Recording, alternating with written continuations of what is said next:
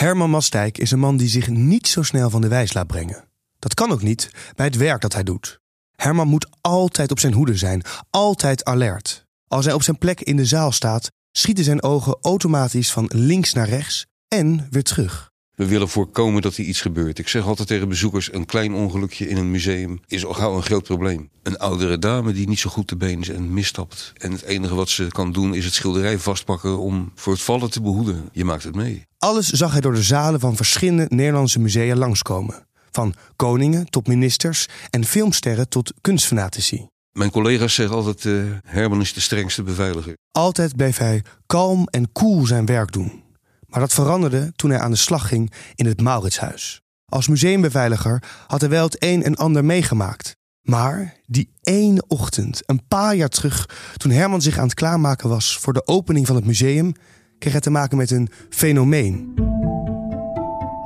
En op een gegeven moment gaan de hekken open, s ochtends om tien uur.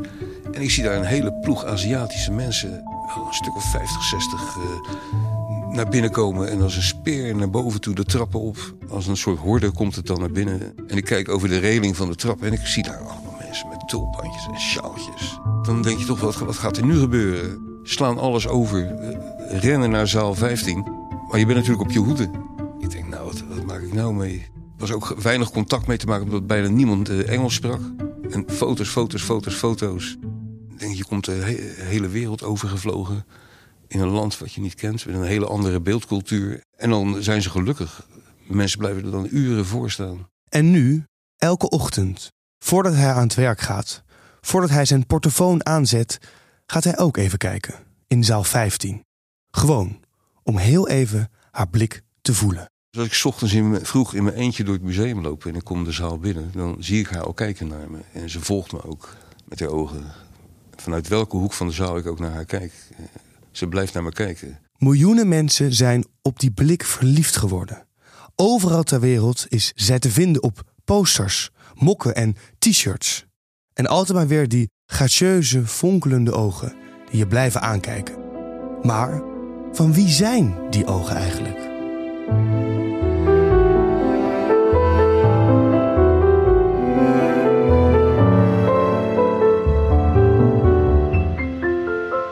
Dit is het geheim van het meisje met de parel. Mijn naam is Spinter en in deze podcastserie van Nationale Nederlanden, partner van het Mauritshuis, ga ik op zoek naar het geheim achter een van de meest mysterieuze schilderijen ter wereld. Wat bedoelde Vermeer met het maken van dit schilderij? Het enigma Vermeer, de Sphinx van Delft. Wat voor man was hij? Ik probeer heel tijd te doorgronden van wie ben je dan eigenlijk? Over het meisje met de parel kunnen we niets vinden. Helemaal niets. Alleen al daarom zou ik het niet willen opgeven, want dan geven we eigenlijk het mysterie op. Meisje met de parel. Meisje met de parel. Meisje met de parel. Meisje met de parel. Meisje met de parel. Meisje met de parel. Meisje met de parel.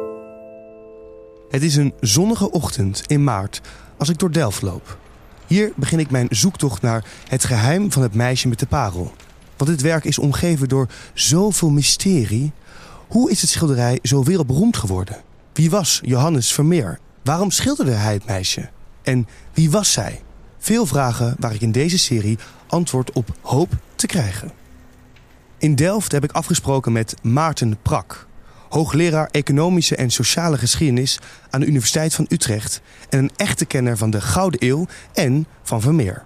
Want wie het geheim rondom het meisje met de parel wil ontrafelen, moet terug het verleden in. Maarten wacht op me op de oude Lange Dijk, de plek waar Vermeer gewoond zou hebben. Hij neemt me mee terug naar het Delft van de 17e eeuw. Terug naar de Gouden Eeuw. De economie bloeide en groeide. En dat gold ook voor steden, met name in Holland, Noord- en Zuid-Holland. En Delft was een van de steden die daarvan profiteerde. Eh, Delft was, uh, had een haven, Delfshaven, dus tegenwoordig Rotterdam. Dus dat geeft al aan hoe dichtbij dat was. Hè? Maar goed, daar was een kamer van de Verenigde Oost-Indische Compagnie, de VOC, gevestigd.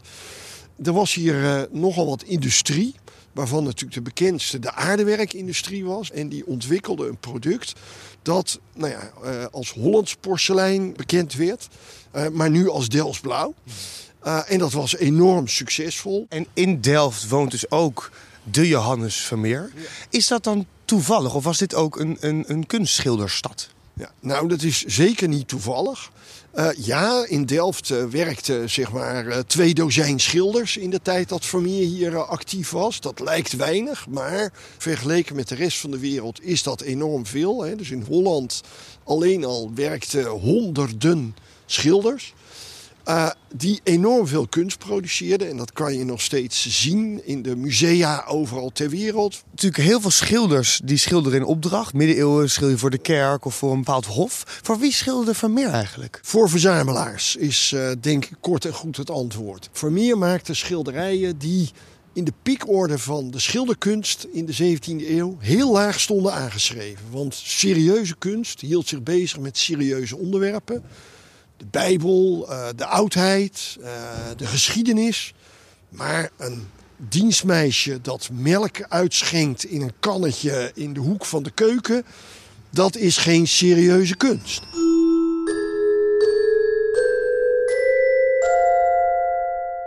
Kijk, het probleem met Vermeer is, er zijn uitlatingen waaruit blijkt dat Vermeer in de 17e eeuw wel uh, gewaardeerd werd door liefhebbers. Hè, de uitmuntende schilder, dat soort uitspraken. Niet veel, maar een paar.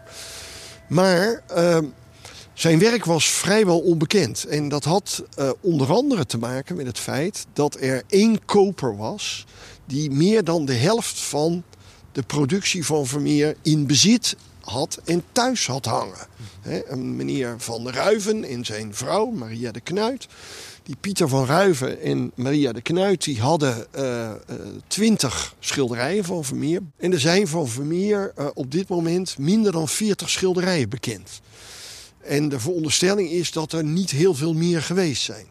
Dus het was bijna onmogelijk om zijn werk te zien in de 17e eeuw. Heel anders dan Rembrandt, die echt beroemd was. Dus zijn reputatie zoals die nu is, bestond in de 17e eeuw totaal niet. Iemand als Gerard Douw, die nu een beetje als uh, nou ja, net de subtop wordt gerekend.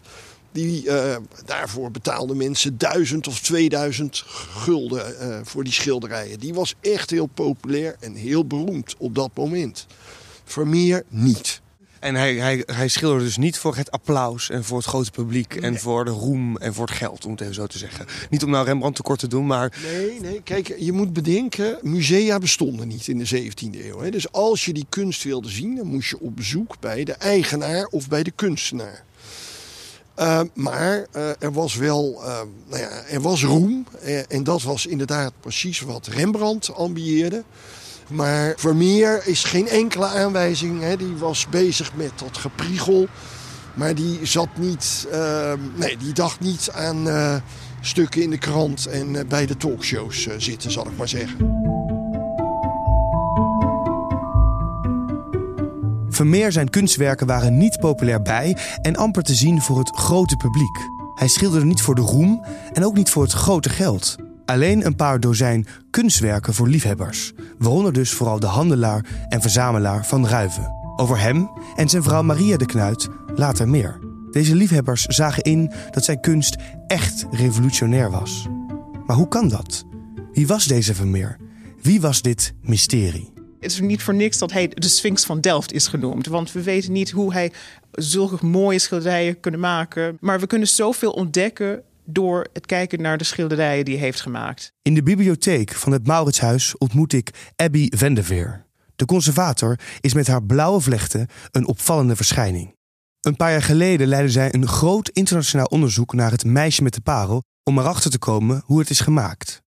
Met speciale cameratechnieken uit het leger en de medische wereld verkende zij het werk millimeter voor millimeter. Nog nooit kwam iemand anders dan Van Meer zo dicht bij het kunstwerk.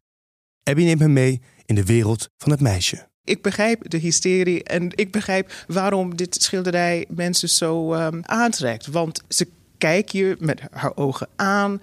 Zij is bijna levensgroot. De compositie, je oog als kijker gaat direct naar haar ogen. Dus je hebt bijna contact met de persoon in het schilderij en contact met Vermeer. En daarom voelt het alsof het een echt... Je zegt contact met Vermeer. Dat vind ik wel heel erg mooi trouwens.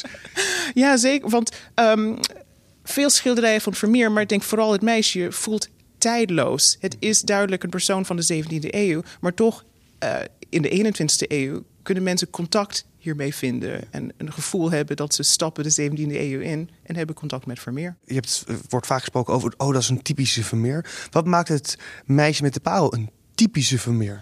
Het licht. Ja, dat vind ik ook het belangrijkste. Dat zij is belicht van de linkerkant. Bij Vermeer komt het licht altijd van links.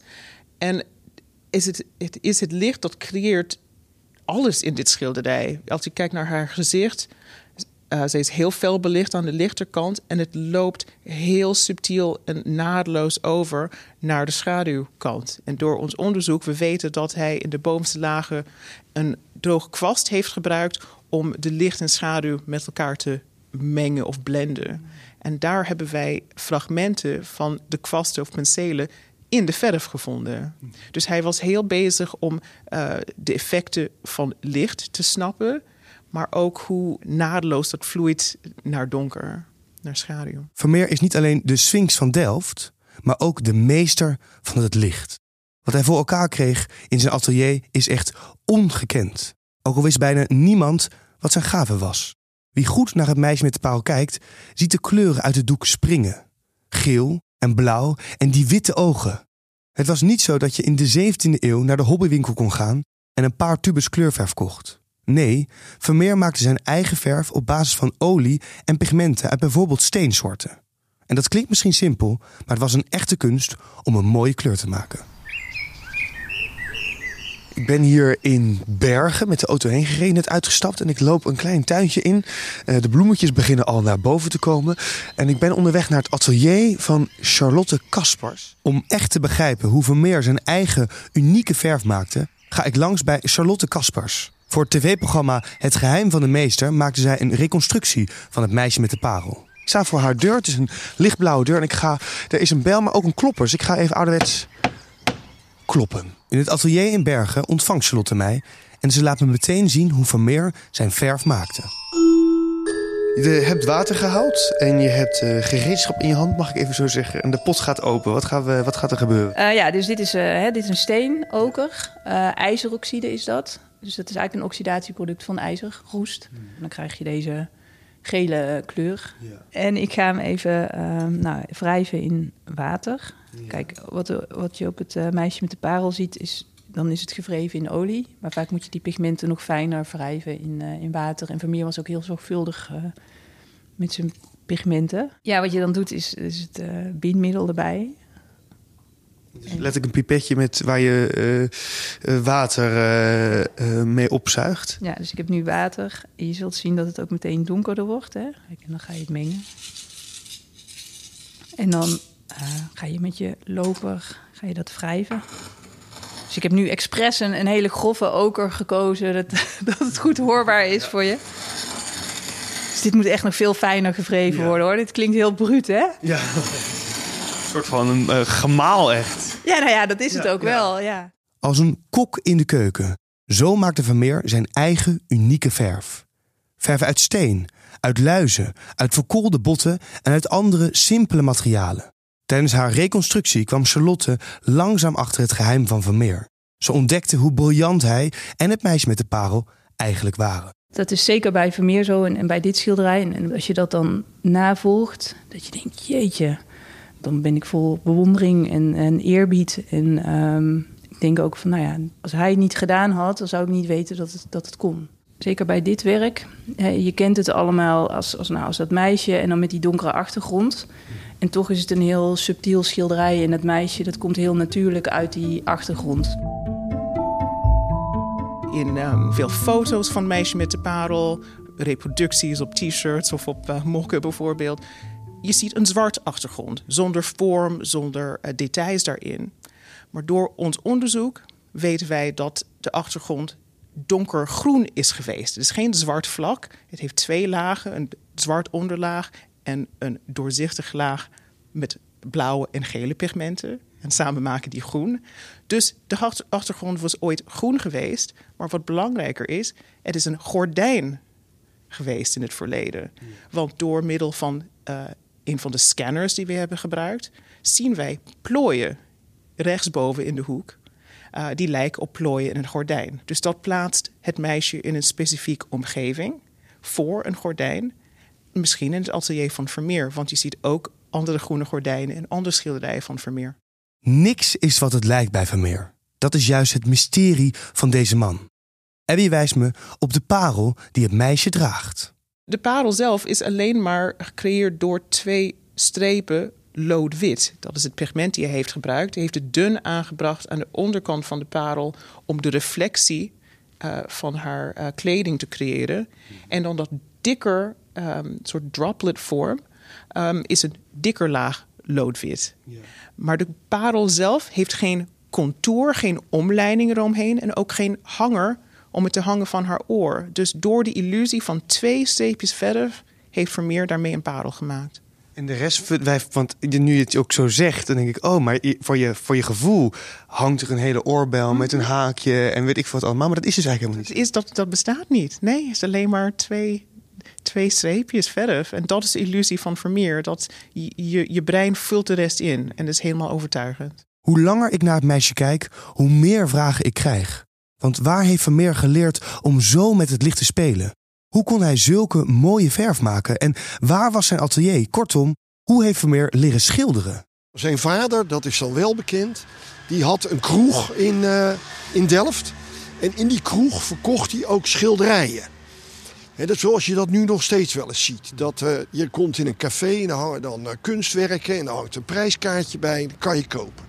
Een hele oude traditie dus. Ja, zeker. Dus in de 17e eeuw ging dat ook zo. Die vader was daarom ook lid van het Lucas Schilder, want anders mocht je die schilderijen niet verkopen.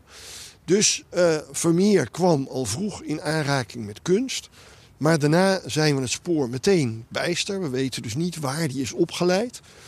Er zijn veronderstellingen dat dat in Utrecht is gebeurd, omdat in sommige van zijn schilderijen zie je een werk van een Utrechtse kunstenaar, Dirk van Baburen. Plus dat hij wellicht zijn vrouw in uh, uh, Utrecht heeft leren kennen. Nou, en die vrouw is heel belangrijk voor hem, omdat uh, zij uit een welgestelde familie kwam. En het heeft er alle schijn van dat Vermeer niet kon rondkomen van die schilderijen, van zijn werk eigenlijk. En financieel gesteund werd door zijn schoonmoeder, een zekere Maria Tins. Uh, die kwam uit een uh, welgestelde familie. En uh, dat was ook een van de redenen waarom we dus niet precies weten waar hij gewoond heeft. Want hij woonde in bij die schoonmoeder. en in een huurhuis bovendien. Het gezin Vermeer had heel veel kinderen. en uiteindelijk na zijn dood is zijn vrouw ook failliet verklaard. Op eigen verzoek, want ze konden schulden niet meer voldoen. Dus ja, uit alles blijkt dat het gezin Vermeer niet op ruime voet kon leven. De enige zekerheid die we hebben is dat Vermeer lid was van het kunstenaarsgilde Sint Lucas. Maar waar hij leerde schilderen, dat is een groot vraagteken. We weten dat hij een vrouw en elf kinderen had. En dat hij in een huurhuis bij zijn schoonmoeder woonde. Verder niets. Hij kon niet leven van zijn schilderwerk. Hij was ongekend, genie, arm, onbekend en ja, toch ook wel onbemind. Maar toch schilderde hij met simpele middelen het meisje met de parel. Althans. Een van de belangrijkste pigmenten die Vermeer gebruikte is ultramarijn blauw. En ja, spannend. Ja. ultramarijn, omdat het komt van, uh, van heel ver weg. kwam uit uh, wat nu Afghanistan is. Mm -hmm. En het wordt verwonnen uit de half edelsteen lapis lazuli. En het is heel moeilijk en een tijddrovend proces om daarmee een goede pigment te maken. En daarom was het peperduur in de 17e eeuw, nog duurder dan goud. Dus het feit dat hij zoveel ultramarijn heeft gebruikt, bijvoorbeeld een meisje met de parel, haar hele tulband is gemaakt uit ultramarijnblauw, gemengd met een paar andere pigmenten. Maar hij heeft het ook gemengd, bijvoorbeeld in de schaduw en de achterkant van haar jasje. Dus ook in plekken die minder belangrijk zijn in het schilderij, zijn de hoogste kwaliteit pigmenten gebruikt. Wat, dat, dat, ja, dat is, ja, het klinkt, ik, mijn mond valt van open, zeg maar. ik ben er even stil van. Maar wat zegt ons dat? Dat, dat er zo duur materiaal is gebruikt in, in dit schilderij? Dat uh, brengt ook een mysterie naar voren. Hoe kon Vermeer dit hebben betaald? Waar komt dit ultramarijn vandaan? Want we weten uit archieflijsten of archieven van um, uh, apotheken in Delft dat heel veel pigmenten kon je gewoon kopen bij de apotheek. Maar in die lijst was geen ultramarijn. Dus waar kwam dat specifiek pigment vandaan? Heeft iemand anders dat betaald? uh, om dit schilderij te maken. Hoe kwam Vermeer aan zulke grote hoeveelheden ultramarijn? Een pigment dat duurder was dan goud. Hij had amper geld.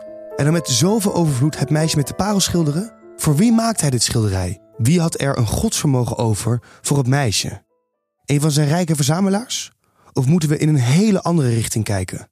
Maakte hij het werk misschien voor Antonie van Leeuwenhoek, de ontdekker van de microscoop? Die was erg vermogend en er wordt zelfs gesuggereerd dat Vermeer hem portretteerde in zijn kunstwerk De Geograaf. En Van Leeuwenhoek werd bovendien na de dood van Vermeer aangesteld als dienstcurator. Of was het meisje met de parel misschien een werk voor de Oranjes? Ook al waren ze op dat moment niet aan de macht, Delft was toch hun stad. Dus voor wie schilderde hij het meisje met de parel? Nou, wat dat schilderij voorstelt en waarom hij het schilderde, dat is totaal onbekend. Er is hier een connectie met de wereldhandel. Dat zou je kunnen zeggen, omdat Nederland in die periode handelde met inderdaad de hele wereld.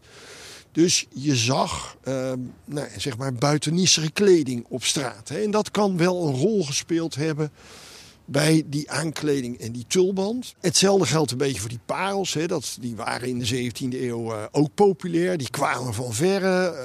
Die, ja, die waren in Nederland uh, makkelijk te krijgen. Dus daar kan je dan wel wat in zien. Waarom schilderde hij een meisje met de parel? Um, misschien was het een opdracht door een opdracht van iemand anders die wilde zo'n uh, schilderij hebben. Misschien was het eigen, vrije keuze. Dat weten we niet. We moeten meer over um, Vermeers leven weten voordat we weten waarom precies hij verschillende schilderijen heeft gemaakt. Er is dus een lijst uh, met uh, de schilderijen die verkocht zijn in die veiling van de schoonzoon van de Van Ruivens in 1696, een meneer Discius. En in uh, die lijst komen een aantal heel generieke beschrijvingen voor van uh, uh, werken. Waaronder een tronie, dat is een schilderij van een kop. In antieke klederen staat er dan bij. En dat het uitmuntend geschilderd is.